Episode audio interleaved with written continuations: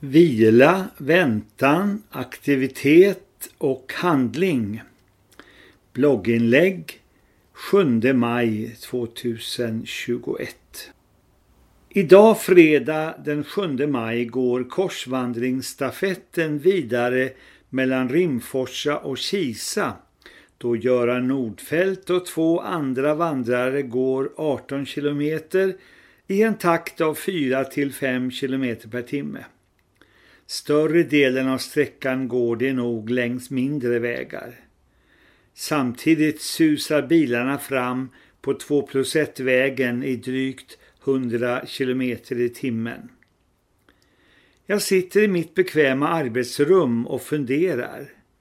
Nyss har jag suttit här i min soffa och som oftast på fredagarna mellan 9 och 10 varit med i Vida Blixkyrkans bönemöte via telefonkonferens.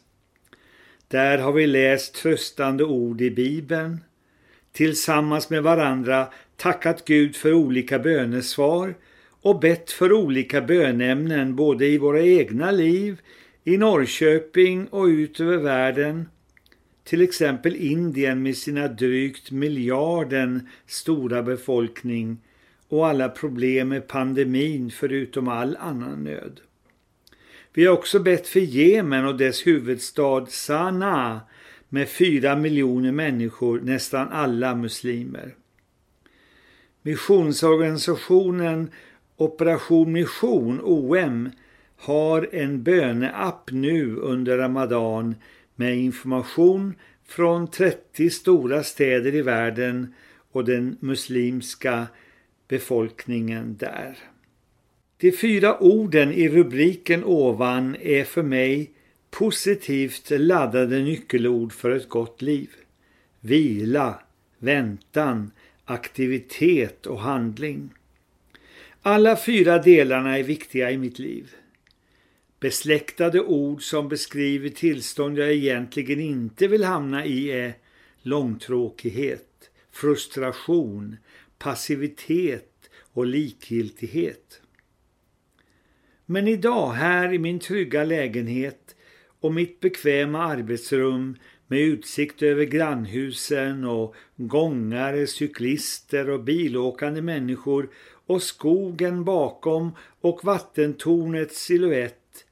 Här är min tillvaro som den ska vara med vila, väntan, aktivitet och handling.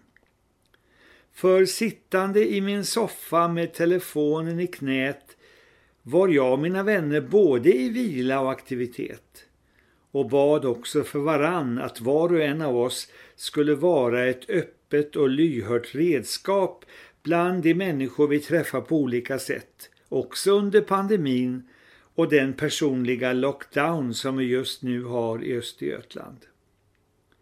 Tillsammans med Gud och våra kristna systrar och bröder är vi både i väntan och i handling, både i vila och i aktivitet. Vår korsvandring i Östergötland under 25 dagar går inte av sig självt och en och annan motgång dyker upp. Göran fick gå ensam med korset en av de senaste dagarna men han berättade sen att det hade varit en bra dag med bönevandring och ett och annat gott samtal med dem han mötte, på behörigt avstånd förstås.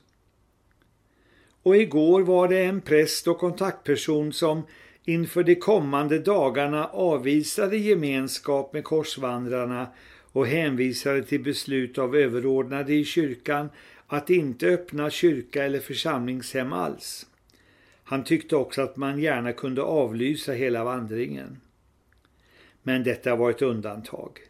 Svenska kyrkan och de andra församlingarna och ledarna där visar stor sympati och gästvänlighet. Medan Göran och hans två kamrater vandrar framåt i fyra kilometer i timmen så har jag med ett par telefonsamtal hittat lösningar på det som kanske hotar att bromsa genom någon som just nu lever mera i långtråkighet, frustration, passivitet och likgiltighet. Låt oss följa Görans och många andras exempel att göra den ofrivilliga ensamheten till vila och vandring med den alltid närvarande medvandraren Jesus Kristus. Låt oss öppna oss för vänlighet och glädje mitt i det som kan vara påfrestande och frustrerande. Och låt oss idag både vänta och vara aktiva.